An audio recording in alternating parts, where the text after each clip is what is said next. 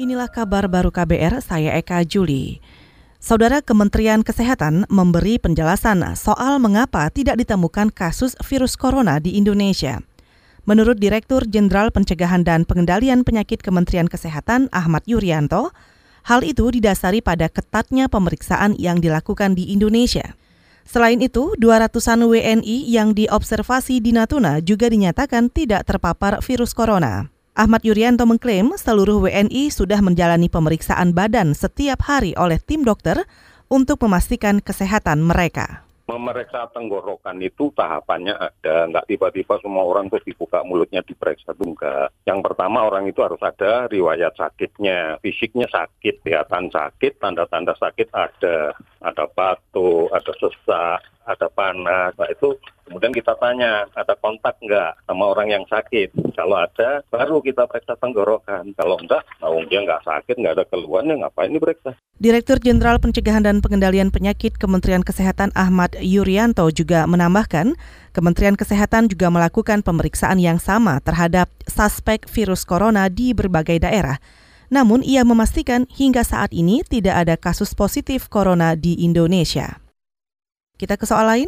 Badan Tenaga Nuklir Nasional atau BATAN beserta Badan Pengawas Tenaga Nuklir atau BAPETEN mengeruk tanah yang diduga terkontaminasi zat radioaktif jenis cesium-137 di sekitar daerah perumahan Batan Indah, Tangerang Selatan. Kepala Biro Hukum dan Informasi Publik Bapeten Indra Gunawan mengatakan, sampel tanah yang dicek di laboratorium dinyatakan positif terpapar zat radioaktif. Kita mengupayakan keselamatan warga dari akibat paparan radiasi. Jadi jangka pendek itu yang kita lakukan itu adalah dengan segera mengambil objek tersebut dari uh, lahan tersebut, kemudian kita melakukan pengambilan sampel tanah, uh, vegetasi di atasnya dan juga air tanah gitu untuk memastikan tingkat kontaminasi dari uh, zat radioaktif tersebut. Uh, lakukan pengujian uh, sampling tanah dan ternyata memang uh, terkontaminasi sehingga kemudian diputuskan secara teknis harus dilakukan pengerukan tanah yang memang sudah terkontaminasi cesium 137. Kepala Biro Hukum dan Informasi Publik Bapeten Indra Gunawan menjamin air tanah di sekitaran perumahan Batan Indah tetap aman untuk dikonsumsi, meski tanah paling atas terkontaminasi. Kata dia, hasil pengujian laboratorium telah menunjukkan air tanah di perumahan itu tidak terkontaminasi zat radioaktif. Saudara kemunculan radiasi dari zat radioaktif berawal dari uji fungsi Bapeten.